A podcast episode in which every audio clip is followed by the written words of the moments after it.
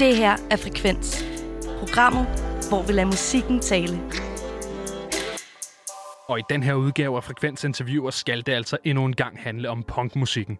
Det skal nemlig handle om det københavnske punkband Tvivler, som har været aktiv siden 2014, men altså først her i 2020 har udgivet deres debutalbum. Jeg tog ud til deres studie og øvelokale på Refsaløen her i København for at tage en snak med dem om lige præcis det debutalbum.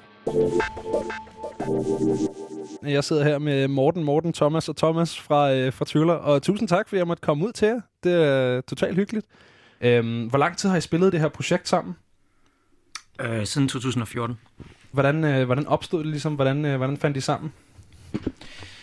Jamen, det gjorde vi egentlig ved, at, at øh, tror jeg, Morten og jeg, Morten spiller trommer, øh, vores, det band, vi spillede før, det gik i opløsning, og så startede vi med at, at lave sådan noget damage control, tror jeg egentlig bare det var, og så Ja. fik vi lyst til at lave noget, der smadrede igennem, i stedet for noget, der sådan var meget udtænkt, og så lavede vi en liste med folk, vi gerne ville spille sammen med, og det var blandt andet Morten og Thomas.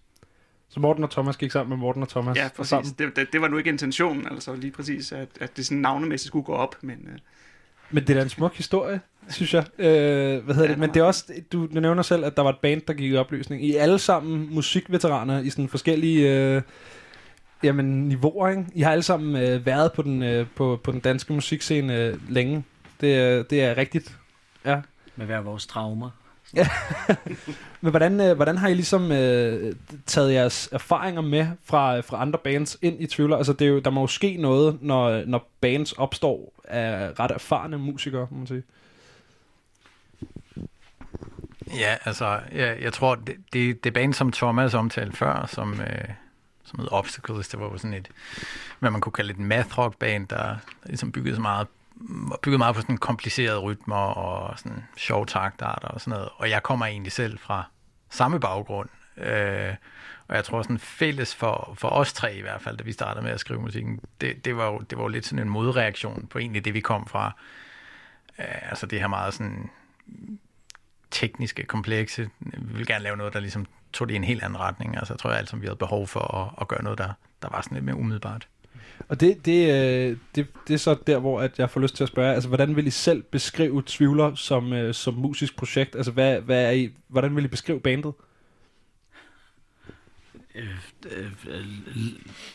Kliché, der spiller hurtigt. Kliché, der spiller hurtigt? På en eller anden måde. Okay. Sådan, eller kliché, der prøver at spille noget, de ikke kan. Eller sådan Okay. i den dur. Der er sådan en, en, en oplevelse, vi havde i sidste weekend, som, som vi har haft en del gange, før jeg snakkede med Thomas om den, som er, at øh, efter at have spillet en koncert, så er der en, der kommer op og siger til os sådan, ah, okay, det, det var også noget helt andet, der gik på, da, jeg, altså, da I ligesom gik i gang. Det var noget andet end de andre bands, fordi I er meget mere sådan tekniske og meget mere komplicerede og spiller sjove taktarter. Og det er lidt, altså der er sådan en total sådan, øh, modsatrettet opfattelse af, hvad der egentlig var intentionen der. Så, så et eller andet... Øh, der er et eller andet i den her mission, vi havde, om at skulle, øh, skulle være en modreaktion på det, vi kom fra, som så i hvert fald i nogens øjne ikke helt er lykkedes. Ja, okay. Øhm, så jeg, jeg tror, vi landede sådan et sted midt imellem de to positioner. Altså det, det er sådan helt skrabet kaotiske, og så det mere ordnede tekniske. Nu- Nu spurgte du også til det der med at være sådan veteraner i det omfang, at, at vi er det. Øhm, men jeg synes, en af de ting, som slår mig, det er sådan en, en, en erfaring af altid at falde mellem stole. Sådan alle de bands, jeg har spillet i, jeg, jeg ved ikke, hvordan I andre har det, men de bands, jeg har spillet i, har altid været sådan aldrig rigtig et sådan helt igennem hardcore band, eller aldrig igennem et punk band, eller sådan heller ikke bare et indie band. Det har altid været sådan midt imellem det hele. Og det der med at, at ligesom arbejde på at blive anerkendt som et band for det, man foretager sig, har altid taget 100 år. Altså, så det er sådan en erfaring, som på en eller anden måde, for mit vedkommende i hvert fald, har været et grundlag for det, vi har lavet her, fordi det, det er det samme, så vi er igen mellem stole. Øhm, Jeg, jeg lige at knytte en, en kommentar til det, så tror jeg også, at det, jeg tror også noget af det har noget at gøre med, at der sådan, uden at det er noget, vi sådan har talt om, så er der ikke rigtig nogen af os, der sådan er så interesseret i sådan stiløvelsen. Nej. Altså, vi er ikke så interesseret i de der sådan rene og klare udtryk. Altså, det tror jeg, vi, det tror jeg måske, vi var lidt i starten, men, men jeg tror, vi, vi keder os utrolig hurtigt ved det, og sådan får lyst til, hvad sker der, hvis vi gør det her? Hvad sker der, hvis vi, hvis vi gør det her i stedet for? Mm. Og, og det, det ender jo ofte bare med, at man så havner et eller andet sted mellem, mellem, mellem genre. Det, det åbner lidt for sådan en sjov ting, som nu nævnte jeg lige for jer, at øh, vi på Frekvens her snakkede med, med Halshug i går, som jo også bevæger sig inden for det her spektrum af punk-hardcore musik, hvor der er sådan en sjov dualitet i den her verden, hvor at samtidig med, at der ligger ret dybt engraveret i punkmusikken, at det, at det er forkert at sætte labels på alle mulige ting, så er der helt utroligt mange subgenre, øh, af den her verden, som, som har meget travlt med ikke at, at blande sig sammen og sådan noget. Er det noget, I har tænkt over nogensinde, eller er det bare, I, I falder bare der, hvor I ligesom falder? Øh, jeg synes, jeg synes egentlig, det er, en, det, er en, det er en sjov tanke. Jeg tror ikke, jeg sådan har tænkt over det på den måde før. Altså. Øhm, men, men, men, men det er da rigtigt, at det er sådan en... Altså, det er jo en... Det er jo ligesom en genre, hvor der kun er en underskov. Ja. Øh, og, og der er ikke rigtig nogen sådan, øh, der er jo ikke en egentlig tråd, der er jo ikke, der er jo ikke, der er jo ikke et punkband, eller sådan, der er jo ikke en, en genre, som man kan sige, nu lyder det som, nu lyder det virkelig som et punkband, altså, altså det, det er jo virkelig, Nej, der vil altid være en underkategori, ikke? præcis. Det vil altid være et eller andet punk, eller punk-rock, eller hardcore, eller noget. Øhm, når man går sammen, øh, så mange øh, erfaring, erfarne musikere, som I nu er, og, og har den her sådan lidt modreaktionære øh, tilgang til at, at starte et band, har man så en målsætning om, hvordan slutresultatet skal lyde, eller er det bare sådan, det ender med at lyde, når I fire går sammen og prøver at spille noget simplere, mere smadret musik? Jeg tror, det er tilbage til det, Thomas snakkede om før, at det bliver sådan en, det bliver en lang rejse igennem fra siden vi startede allerede til nu, at vi begyndt at lave lidt, lidt anderledes numre, øh, og har lyst til at udforske nogle andre ting også. Så det der slutresultat er sådan meget sådan, Øh, svært at forholde sig til, fordi at, altså i hvert fald på den måde, vi laver musik, der er det i nuet, det er ligesom, det er ligesom når, vi, når vi mødes og har idéerne og får de her ting ud, at det er der, det, det foregår det hele.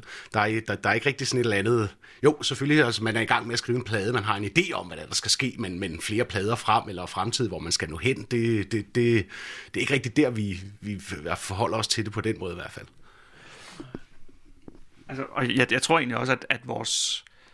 Altså, der kan være dage, hvor vi øh, i ulokalet snakker om, kunne det ikke være sjovt at lave en funkplade? Ja. altså, og, der kan være, og der kan være dage, hvor vi snakker om, øh, måske skal den næste plade være akustisk, eller sådan, altså. Så jeg tror, jeg, jeg tror egentlig, det der med, sådan, at vi har lyst til, det har jeg i hvert fald, det tror jeg sådan, måske I andre er enige i, at det her med, at, at vi har lyst til, at, at tvivler, selvom at det jo er en, en ret sådan formelagtig mm. genre, vi spiller, Ja. så skal det være et åbent rum. Altså, det skal være et rum, hvor, hvor, øh, hvor vi kan tage det i den retning, vi lige præcis har lyst til at tage det hen. Altså, vi har jo heller ikke sådan, vi føler os ikke forpligtet til at skulle følge nogen bestemt sådan, øh, kodex eller en bestemt stil. Altså, det tror jeg, vi alle sammen også er for gamle til. Altså, det er uinteressant, altså helt ærligt. Og hvad, kunne I finde på det? Altså, kunne I finde på bare at gå rogue og lave en bæk og udgive et eller andet øh, folkealbum, eller akustisk, eller noget funk, eller... Ja, ja. Det er Ja. ikke noget problem. Det, det er mere, om det er sjovt. Ja, okay. altså at lave det, eller at, at høre på det? Øh, begge dele. Altså, jeg synes også, en ting, som er sådan lidt vigtig i den her sammenhæng, det er, at en ting er, er sådan formularerne, men, men jeg synes også, det er ret vigtigt ligesom at understrege åbenheden. Fordi den hænger sammen med, altså, nu nævnte jeg før det der med at være sådan en band, der er imod, ikke? som mm. ligesom bliver skabt mod noget. Men jeg synes faktisk, det er vigtigt at betone det der med at være for nogle ting. Og det, der er mere fed energi i at ligesom forpligte sig på noget, man gerne vil, i stedet for noget, man ikke vil. Og, og det, der er sådan lidt tricky ved det her, det er i virkeligheden at forpligte sig på åbenheden. Altså forpligte sig på ligesom, at nu laver vi det, som vi laver, og det er interessant for os, så derfor giver det god energi, så lad os bare blive ved med at gøre det. I stedet for at være sådan, vi vil ikke være det her, vi vil ikke være det her, vi vil ikke være det her, eller vi laver det her imod noget andet. Sådan, sådan, sådan synes jeg egentlig ikke rigtigt, det fungerer. Okay. Jeg synes mere, det er sådan en, det her er interessant, kan vide, hvad der sker, hvis man kombinerer det med det her. Det lyder som en relativt øh, målrettet indstilling i forhold til, altså hvor opstår navnet Tvivler, så tænker jeg, God pointe. Det er bare en tilstand. det er bare en tilstand. Ja. Hvad er det for en tilstand? Men må, Hvordan kobles den til jeres musik? Altså, hvordan er jeres musik under banneret Tvivler? Altså, man kan sige, det at forpligte sig på åbenheden, som Thomas snakker om, det, det kommer jo ikke med nogen garanti for, at det man så begiver sig ud i, det bliver godt. Og, øh, og det, altså, det ved vi absolut heller ikke, øh, om det gør. Jeg synes, at der er mange gange undervejs i de der skriveprocesser, vi har, hvor vi tænker, at det, det bliver nok dårligt, det her. altså, der, der, der er ligesom sådan en tvivl, der, der går igen i mange ting, og det er jo, det er jo, det er jo ikke fordi, at navnet er en reference til vores skriveproces som sådan, men, men på samme måde som, som man må vedkende, eller som vi gerne vil vedkende os den der åbenhed, så ligger der også en øvelse i at vedkende sig tvivlen, og ligesom være en, lade den være en størrelse, der godt må være i rummet, øhm, som jeg tror er vigtigt for os alle sammen. Men også fordi tvivlen har det jo med, at, at man undergraver sig selv med tvivl. Og, Ja. og det, er jo, det, er jo, det kan jo være igangsættende. Øh, det kan også være døden. altså, øh, det kan også være det, man går helt i stå af. Men, men, men og jeg, jeg tror sådan, jeg tror, at for os så er det, så er det igangsættende. Altså, det er også derfor, at vi, jeg, altså, jeg tror ikke, vi kan se, hvordan plade nummer to nu. Jo, det kan vi måske godt, fordi den er nærmest færdigskrevet, men, men, men, øh, men, men plade nummer tre tror jeg ikke, vi kan se, hvor, hvor jeg er på vej hen. Altså, øhm, og det tror jeg er den der sådan, med at hele tiden have lyst til sådan at, ikke at bryde det ned for at bryde det ned skyld, men, men, men bryde det ned for at holde det interessant. Altså. Det kan være, det bliver den der øh, funkplade der, plade nummer tre. Hvad er det? Det, det, øh, jeg tænker også bare lige for at kommentere sådan videre på navnet, så, så er der også noget med, sådan hardcore bands har tit alle mulige sådan vildt farlige navne, ikke? Ja, Og, altså sådan, og, og Needle meget, Destroyer. Ja, ja, og, så, og, og, og sådan meget mandede navne også tit. Og, og på en eller anden måde synes jeg, der er, der er noget fedt i at have et navn, som på den måde er sådan en, en, en faktisk utrolig ufarlig, men vildt kompliceret tilstand at være i. Ja. Øhm, så, så navnet handler på en eller anden måde også om at betone sådan et rum, som, som både er et kreativt åbent rum, men helt sikkert også et rum, som handler om, hvad det egentlig er, der er på spil, og sådan substansmæssigt i forhold til de ting, vi skriver sange om. Øhm, så, så navnet handler også om, om at indtage en position, hvor vi sådan hylder kritik, hylder en kritisk indstilling, men også hylder ikke nødvendigvis at vide, hvad der er op og hvad der er ned. Og især hylder at forholde sig til at være i et globalt og lokalt system, som ikke nødvendigvis fungerer. Men vi har sgu ikke svarene, altså. Så, så, så det er også ligesom det, der ligger i navnet. Så det er ikke nødvendigvis svarende, det er bare ligesom endnu en tilstand, eller... Ja. Ja. Ja. Hvad hedder det? øh, Jeg faldt over nogle ting, da jeg sad og lavede øh, research på jer tidligere, og øh, jeg har to af dem med, som jeg synes, jeg simpelthen blev nødt til at have jeres input på. For det første, øh, Devolution kaldte jeg for en emo-kvartet i 2015. hvad, hvad, Ej, der træder du altså på et ømt punkt der. det ved jeg ikke, om, om... Altså, hvad tænker I der? Kunne det være? Kunne det være emo-pladen? Plade nummer tre? Jamen, der er jo mange, der mener, at den, vi lige har lavet, er emo-pladen. Okay. øhm, tror jeg. Ja. Jeg tror, emo betyder noget andet for os, end det måske sådan betyder i gængs øh, sammenhæng. Det tror jeg er en vigtig, sådan, det er et vigtigt skæld lige at, at skitsere op. Og nu kender vi jo ham, der har, har sat det label på os, ikke? Ja, Og, okay. og vi, vi har også haft samtalen i forbindelse med et interview, som I to lavede for nylig. Det, det blev påpeget. Altså, vi har påpeget det, ikke? Og, og det fører så til en diskussion om, hvorvidt emo er et, øh, et negativt eller et positivt prædikat, ja. ikke? Øhm, og jeg tror, emo for, for folk over 40 betyder noget andet end, end emo for, øh, for folk under 30. Øh, Ja. Lad os sige det sådan. Og det er øh, nu de fleste i det her band er jo sådan set over 40, og på en eller anden måde er det så stadigvæk negativt betonet. I en eller anden øh, Jeg, jeg, jeg tror, det er, det er sådan et retro... Det, det er blevet negativt betonet, ikke? fordi man, man hører det med alt det, øh, der ligesom... Man, man hører det måske med det, man tænker, andre hører det med. Ja, Altså, der, er der, der er der ret interesseret i at høre, hvad I ligger i ordet emo, fordi at nu er jeg jo selv repræsentant for en yngre målgruppe, og at nu, nu er det jo en ungdomskanal, øh, vi sidder og laver radio til. Så, så sådan, altså, jeg tror for mig og mange jævnaldrende, der er emo, det er sådan en øh, bølge af sådan noget Tokyo Hotel og sådan noget. Yes. Ja, super, men så er vi jo enige. Altså, og så kan jeg slet ikke se, hvordan det skulle være emo-pladen, det her. Nej, men, men det, altså, emo-genren, den, den, den går væsentligt længere tilbage, ikke? Og, Ja. og den der, Jo, jo, den der ting, du refererer til, det er jo, det er jo så det, som, som nogle med en sådan lidt mere nedladende term har kaldt for MTV-mo. Øh, En smuk betegnelse. Ja. ja det er virkelig udsøgt. men altså, der var, der var jo nogle emo-bands øh, helt tilbage sådan i starten af 90'erne, som jeg, altså, jeg kan udmærket godt forstå, hvorfor at nogen vil øh, have lyst til at sammenligne os med dem. Ja. Og det er jo også banen, som vi selv holder af, og er Fuldstændig. vokset op med. Ikke? Altså. Hvad hedder det? Det var altså øh, nogle andre menneskers forsøg på at kategorisere jer øh, emo-kvartet her. Øh, Hvis man går på jeres Instagram, så er I øh, listet som couples counseling. Ja. Hvorfor? Ja, ja, det er mig, der har gjort det. Undskyld, det ved I andre ikke. Nej, ikke rigtigt. Der, der er ikke så mange i det her band, der har så meget sådan socialt medietække. Øh, Thomas og jeg er nok dem, der har sådan mest, øh, og det siger en hel del, ikke? Øh, og det eneste, jeg ved om Instagram, fordi jeg bruger det kun i sådan en det er, at øh, lige under sit banebillede, så skal man have sådan en lille en til to linjers beskrivelse af sit band, der gerne må have en eller anden kick, øh, drejning på tingene. Altså det, det, det, det har jeg lagt mærke til. Altså, det var en observation, ikke? At det er ikke ligesom nok at skrive, at vi, vi er tvivlere, vi er fra København, og vi blev dannet i 2014. Det synes folk er kedeligt, og tænker, hvad fanden kan vi finde på? Så der, der er ikke mere i det end det. Jeg synes, vi skal tage... Men vi tilbyder det jo et gerne. Ja, okay. Smukt. Øh, ring til tvivler, hvis dit parforhold er i hvert fald fra hinanden. Øh, jeg synes, vi skal tage noget, øh, noget couples counseling, så her får vi altså træfælder fra jeres første EP.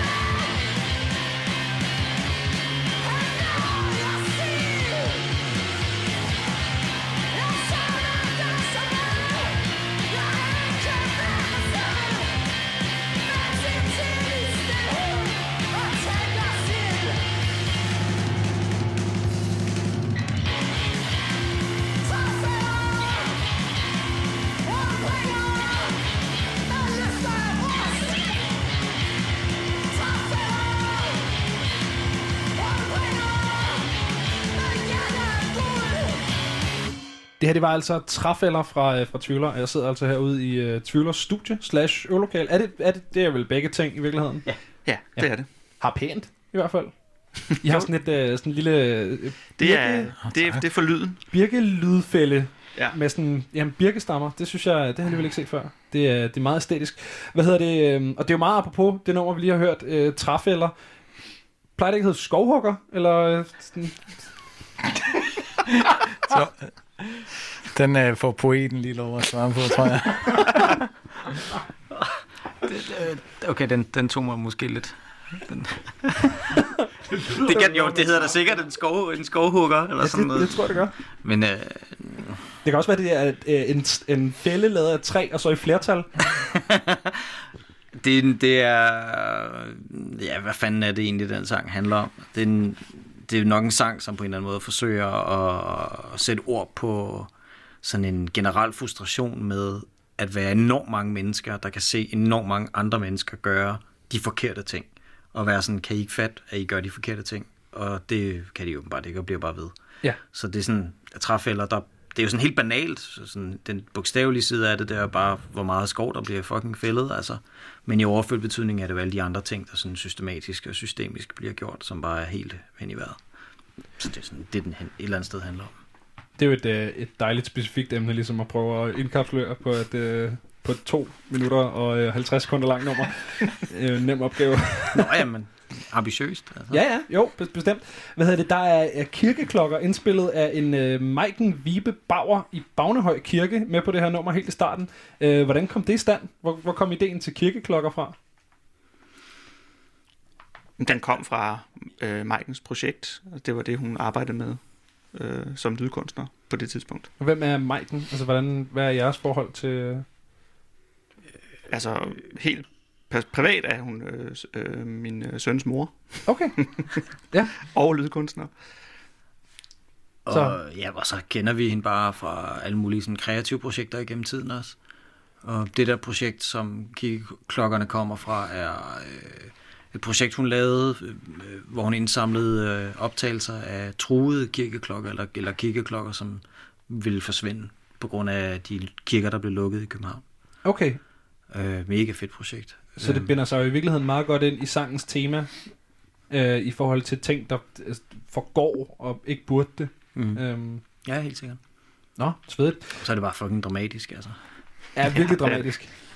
Meget Black Sabbath at starte en sang med kirkeklokker. Den, den reference har jeg aldrig tænkt på, men den er, det vil jeg gøre fra nu af, så den er jeg virkelig glad for.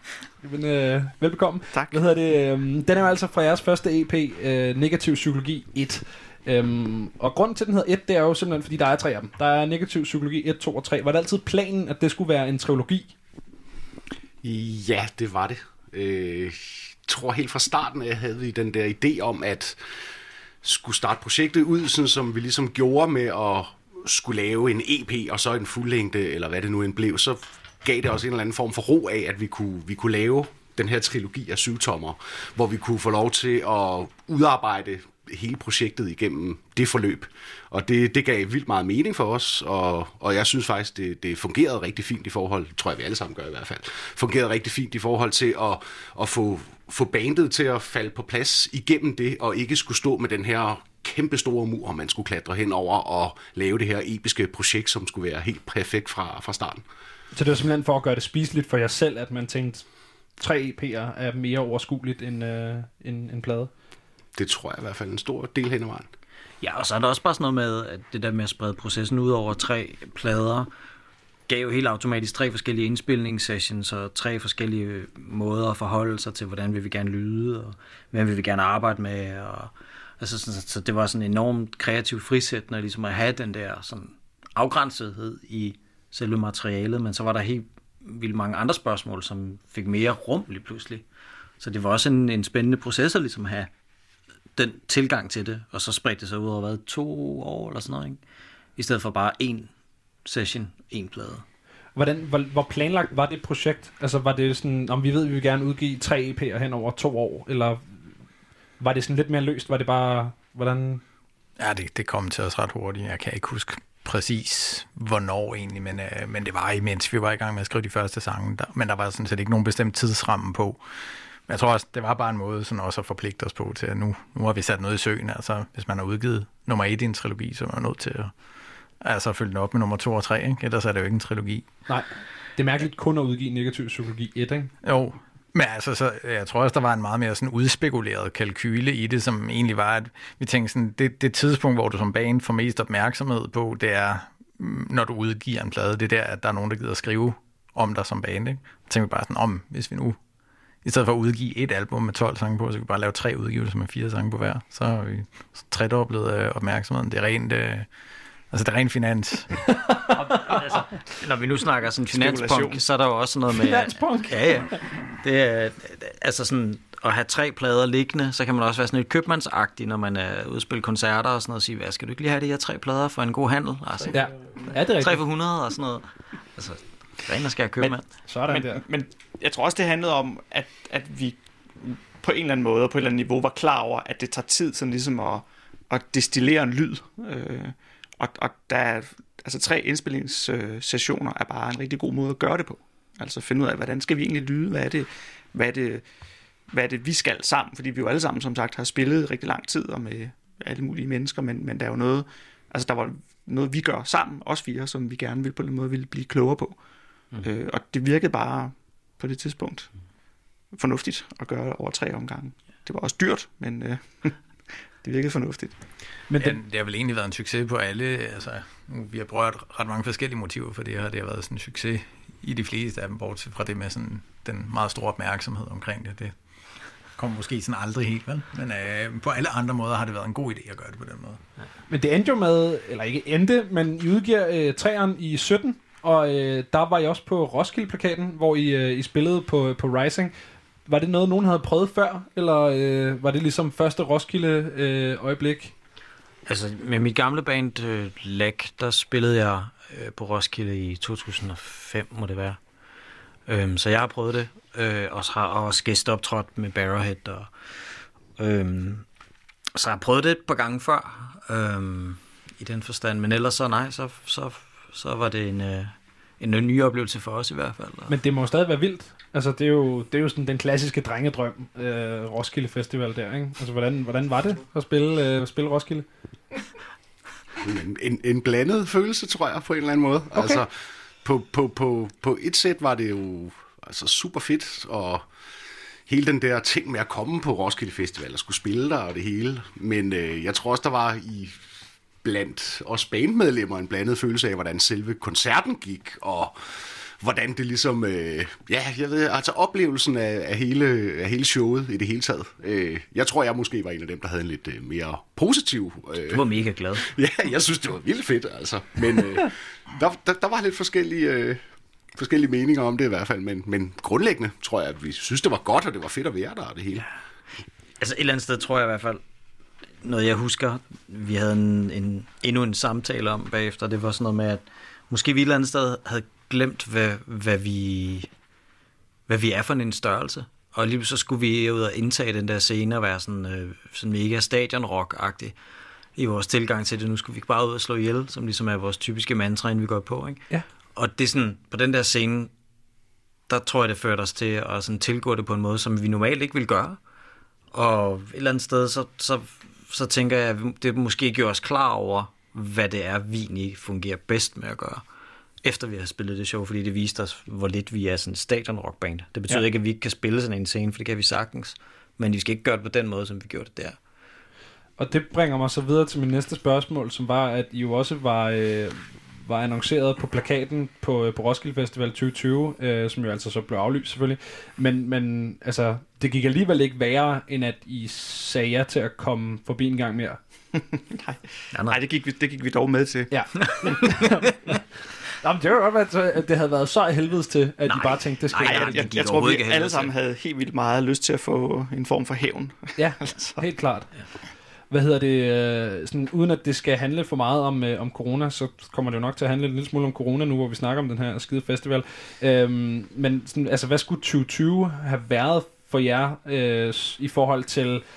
Det må sgu da være irriterende med det debutalbummet, øh, det er øh, Roskilde Gig, nu ved jeg ikke, hvorfor en scene I var annonceret til, men, men altså, hvad, øh, hvad var planen med 2020? Altså, jeg tænker, der må have været en eller anden udspekulerethed. Det, jeg tror faktisk, øh, den her gang var, har vi virkelig været øh, dygtige. Altså, jeg tror, vi har, jeg har prøvet at udgive en plade før, hvor tingene var så planlagt, øh, som, som de var her, ikke? Da, da vi udgav pladen. Øh, og det var blandt andet selvfølgelig både koncerter herhjemme, såsom Roskilde, men det var også turnéer, og der var rigtig, rigtig mange ting planlagt også i udlandet. Og som vi jo bare måtte bruge, øh, de, altså siden foråret har vi jo bare måtte sidde og se ting falde sammen Ja. i virkeligheden, og ikke, ikke, ikke blive til noget. Øhm, og nu er vi jo sådan langsomt ved sådan at, at komme os igen, og har slikket vores sår, og, og nu er, har vendt os lidt til at spille de her siddende koncerter. Så mm. Nogenlunde da i hvert fald. Og dem skal vi snakke øh, meget mere om øh, lige om lidt. Men først så vil jeg gerne lige vælge den her plade, som vi nu altså øh, lige kom ind på her. Og det er jo selvfølgelig jeres debutalbum, øh, som udkom tidligere år, hedder Ego. Øhm, hvorfor skulle der gå fem år fra jeres første udgivelse til jeres første øh, fulde plade, altså til jeres første album? Der er alligevel, hvis man kigger på, øh, på negativ psykologi-æraen, så er der stadig været tre år fra, øh, fra den sidste negativ psykologi til, til Ego udkommer her i år. Hvordan kan det være, der skulle øh, gå så lang tid? Oh, ja, altså selvom vi, vi har jo nok lidt svært ved at vedkende os det, så er vi jo et eller andet sted sådan en farrock-band. Øh, og det er for jeg onde blikke for at bringe på banen nu, men øh, Nej, men et eller andet sted, så der, der er en præmis for det her bane, som er, at, øh, at det, det burde næsten ikke kunne lade sig gøre sådan rent tidsmæssigt i, for, i forhold til, hvad folk har sådan andre forpligtelser, børn og arbejde og sådan noget. Men, men vi får det til at ske alligevel på en eller anden måde. Øh, ikke at det skal lyde sådan overmenneskeligt på nogen måde, men, men det foregår bare i sådan et tempo, hvor at vi, er, vi er herude på sådan mørke hverdagsaftener øh, fra klokken 8 og, og frem til vi ikke kan mere. Ikke? Der, der, det sætter bare sådan en stopper for det tempo, tingene kan køre i, okay. ærligt talt. Men så tror jeg også bare, at mm, vi vil være grundige med tingene. Øh, og vi har været enormt grundige, synes jeg. Så ting tager bare tid.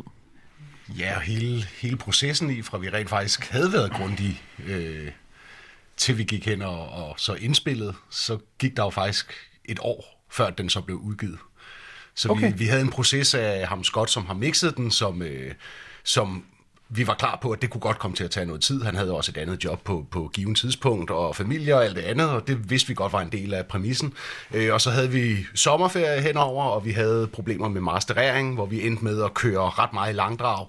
Og så begyndte det så at blive hele det her praktiske show i forhold til, skal den udgives i november, skal den udgives i januar, februar, marts, og så endte det jo så med at blive prejstalt et år efter, vi var i studiet. Øh, så der røg jo lige et år ekstra på processen, så fra den sidste udgivelse af, af negativ psykologi, så blev det jo så et år ekstra. Ja, okay. Så I har faktisk næsten arbejdet, altså jeg har arbejdet konstant med den tid, I havde. Øh, ja, præcis. Ja. Hvad hedder det, øh, hvordan har det været anderledes at gå i studiet med, en, øh, med et fuldt album, frem for de her EP'er, I øh, så jeg havde vendet jer til, ikke? Men... Ja. Det har været mega fedt. Øhm, altså, øh, de, de tre EP'er er jo egentlig indspillet i det her rum, vi sidder i nu. Øh, hvilket har været fedt i sin egen ret, men, men den her gang, der tog vi jo et studie, som så ligger 200 meter herfra, så det er jo ikke sådan mere eksotisk end det, vel? Mere men, øh, fik I heller ikke. men der, der var alligevel sådan, øh, sådan fornemmelsen af at komme ud og komme væk øh, og flytte ind i et eller andet andet rum øh, og være i den her proces i, i en uge øh, eller noget af den stil, ikke? hvor at, øh, EP'erne har, har vi måske brugt sådan en, en, en lille weekend på hver at indspille det. Så, så der var lidt mere fornemmelsen af at flytte ind i et projekt øh, og så fortabe sig i det, som var helt vildt fedt. Har det været sværere at skrive? Nej, det har det faktisk ikke. Men, men jeg tror, hvis der er én ting, jeg tror, vi alle sammen er stolte af, så er det, at, at, at, at med Ego, så formåede vi at, at skrive et, et album, som rent faktisk fungerer som et album, og ikke en samling sange. Altså, hvor man kan sige, EP'erne, det var ligesom det var sådan lidt work in progress. Altså vi spiller, og så sætter vi et punktum, og så indspiller vi dem og udgiver dem, og så spiller vi videre og sætter et punktum, indspiller dem. Her der havde vi virkelig lyst til at arbejde med sådan albumtanken også, ja. altså at sammensætte noget, som bliver en helt og en, sådan en samlet oplevelse. Øh, og det var lige fra, hvem vi indspillede med, hvornår vi indspillede, men også, at vi gerne vil arbejde med Scott Evans. Øh, og alt, alt det samlet set tog, tog bare tid at, at, at gøre, altså. Øh, men ja, jeg tror, det, det er rigtig godt, vi gjorde det på den måde. Men lige præcis den der eksperimenteren med, den der udforsken af, af albummet som, som, som medium, øh, kan man også sagtens høre, altså hvis man bare sætter pladen på, og så hører øh, det første nummer, Sabotage, som så går ind i, øh, i det nummer, vi faktisk hørte efter, øh, efter nyhederne her, øh, som hedder Tvangslogik, så, øh, så kan man jo høre, at der ligesom er en flydende overgang. Altså det er ikke sådan, man kan ikke høre, så kottede det ene nummer, og så startede det andet. Altså der er, der er øh, en del mere udforskning af, af mediet, og også en del mere eksperimenteren med, med musikken. Der er for eksempel Sabotage, som jo er meget sådan ambience ting, og øh, også et nummer, der hedder Forfalden på, som også er meget sådan en... Jamen igen, lidt den der ambience, sådan stemningsgivende ting. Altså, hvor kom de der idéer fra? Var det i udforskningen af, af pladen som, som medie? Ja, det tror jeg egentlig, det var. Altså det, jeg, jeg tror egentlig, man skal se de der øh, mere ambiente elementer også som sådan øh, altså udtryk i sig selv. Øh, og, og noget, som der er brugt rigtig lang tid på nu. Og det er Thomas, der har, der har, øh, der har arbejdet med det. Og det fungerede egentlig på den måde, at at vi alle sammen arbejdede hele tiden i studiet, hvor når, når vi andre var ved at indspille noget, nogle instrumenter, så var Thomas rundt og, og indspille ting i, øh, øh, og indspille lyd i bygningen, og på den måde, så, så tror jeg, vi arbejdede sådan med hele konceptet hele tiden. Ja. Øhm, så det tror jeg i hvert fald er en, er en pointe, at, at det ikke er noget, vi sådan har siddet og, og sådan lige sådan klasket ud på et keyboard, fordi nu skulle der lige være et eller andet her. Altså det er ligesom sådan en ting i sin egen ret. Ja, ja, ja, selvfølgelig. Mm. Det, og det kan man også godt høre. Det bliver jo den her sådan, uh, helt støbte oplevelse. Ja. Øhm, Udover det her, udover deres uh, debutplade, så er der også kommet en uh, musikvideo til, til en af numrene, og den vil jeg rigtig gerne snakke mere om. Men uh, først så synes jeg, vi skal høre det nummer, som videoen er tilknyttet til. Her får du altså Tvivler forkert.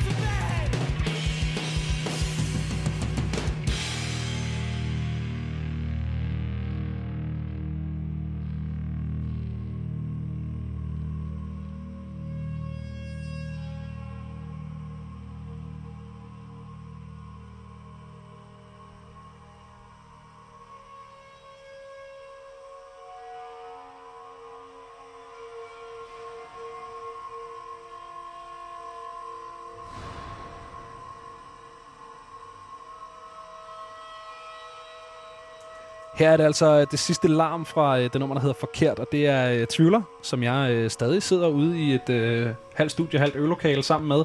Øhm, som sagt, så øh, udover at det her er en af mine øh, absolute yndlingsnumre fra, øh, fra albumet, så har I jo også øh, tilknyttet en, øh, en video til den her sang. Øh, kan I ikke beskrive, hvad der sker i den video? Jeg, jeg tror egentlig bare, jeg får tæsk. Ja, det er, ja, sådan, i, sådan, i al sin simpelhed. I, den, sådan helt, den helt grundlæggende idé var egentlig bare at lave en video, hvor jeg forsøger at synge sangen, mens jeg bliver øh, tævet af sådan en derbyhold.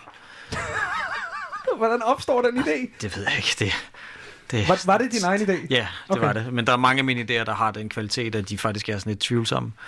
Øh, og så er der nogen, der løber med den, og på en eller anden måde... tak.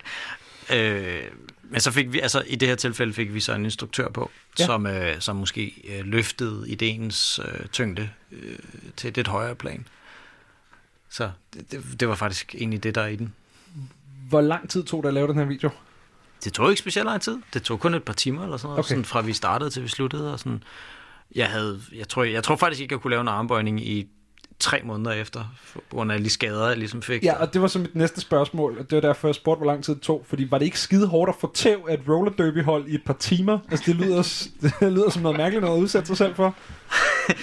jo, altså, det lyder måske sådan lidt gamlemandsagtigt, men jeg, jeg tror faktisk, jeg vil sige, at effekterne af at spille en tvivlerkoncert har sådan lidt den samme kvalitet. Sådan, okay. Der, er sådan, der er så mange skader, men sådan har det egentlig altid været, også med mine gamle bands. Det er sådan, der har altid været sådan en fysisk skade forbundet med at spille den her slags musik. Øhm, så, så på den måde var det egentlig ikke specielt anderledes at få tæv. Altså, de er vildt dygtige til at give tæv. Altså. Ja, men det er nemlig det. Det er jo nogle mennesker, der har trænet meget. Ja, for og, og de gør det jo på en ret cool måde, ikke? fordi så, så mange skader får man jo sådan ikke, fordi de ved, hvor, hvordan de skal gøre det, Ja. til forskel fra, for så mange andre. Øhm, men, øh, men, men oplevelsen af det der med at komme til skade er ikke sådan helt ny. Nej, jamen, roligt. øh, og det var, jeg havde tænkt mig at spørge, om der var fuld kontakt, men det har du næsten svaret på. Ej, men det var der. Der var fuld kontakt. Det var, ja. øhm, de, de var meget sådan... Det var sådan en dag, hvor det havde regnet lidt, så jeg tror, vi andre, vi stod og, og sådan... Man kan jo ikke sige, at vi nød det, men, men vi morede os måske lidt over, at der, der lød sådan nogle ret sådan markante klaskelyde ude fra den der bane, og det var sådan ofte, når Thomas han faldt ned på den der sådan regnvåde asfalt. Ja, øh, det lyder virkelig smukt. Det vil, Det var det også. Jeg havde faktisk, et, jeg havde faktisk en våd drøm om, at, øh, at, at det selv samme hold på en eller anden måde kunne få billetter til vores show på Roskilde Festival, og så altså gentage øh, videoen bare på scenen. det kunne fandme have været fedt.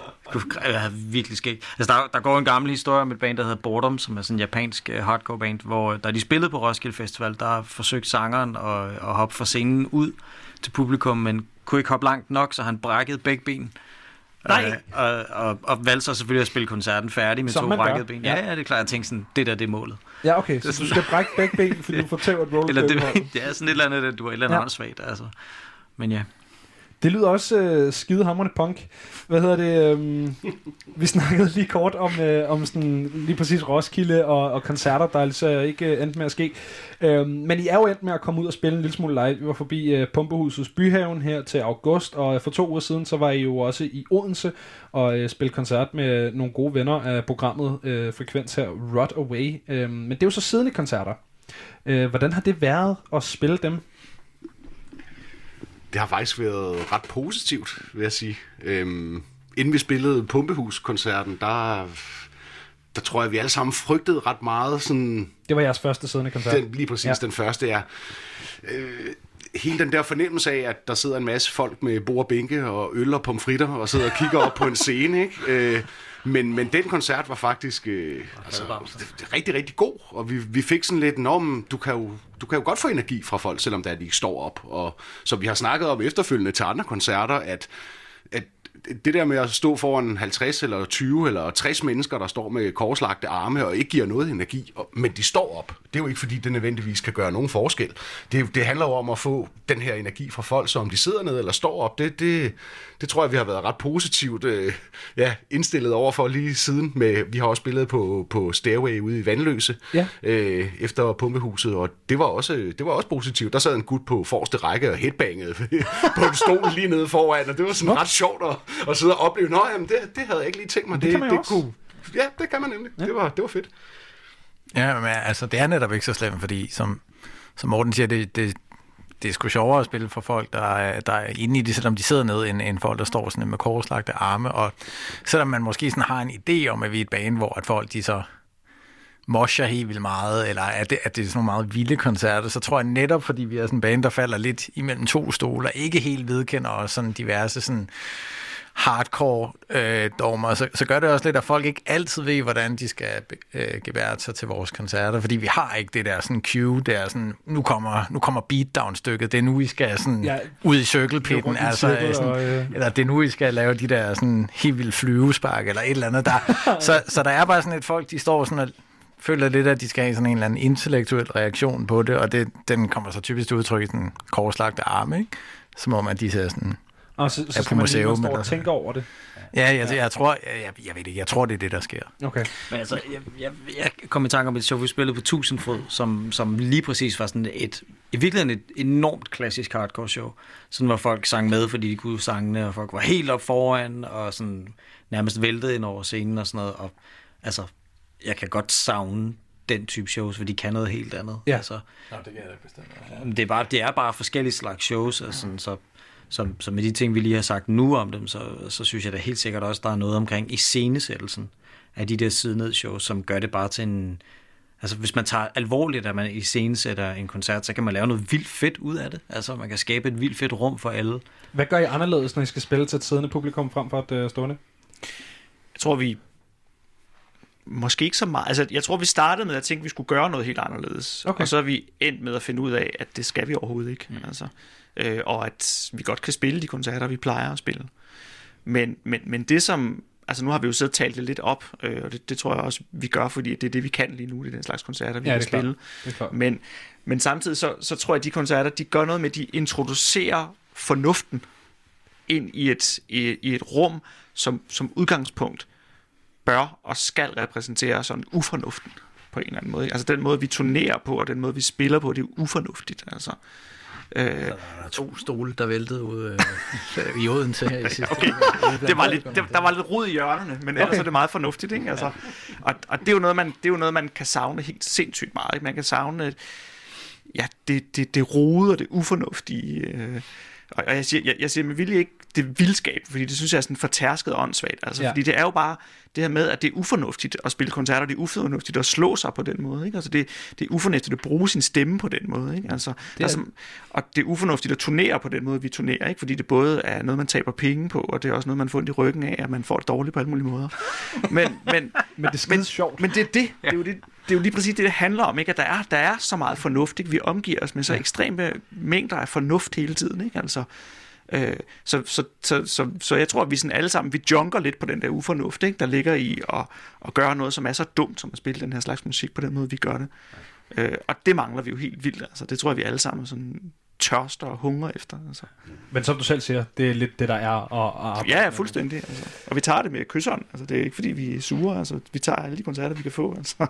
En, øh, en sidste ting, inden øh, vi er færdige med at, at snakke med jer, Tvivler. Det har været en fornøjelse. Øhm, jeg fandt i min, i min research her i dag øh, ud af, at øh, vi faktisk ikke er den øh, første radiokanal, der spiller øh, Tvivler.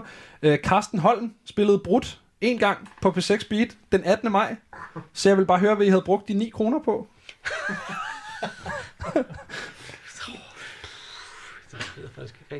Det ved jeg egentlig ikke rigtig, sådan, hvad vi har brugt. Har, har vi brugt dem overhovedet? Nej, det er ikke bare råd ned i det der gældshul der, vi har lavet øh, på den seneste plade.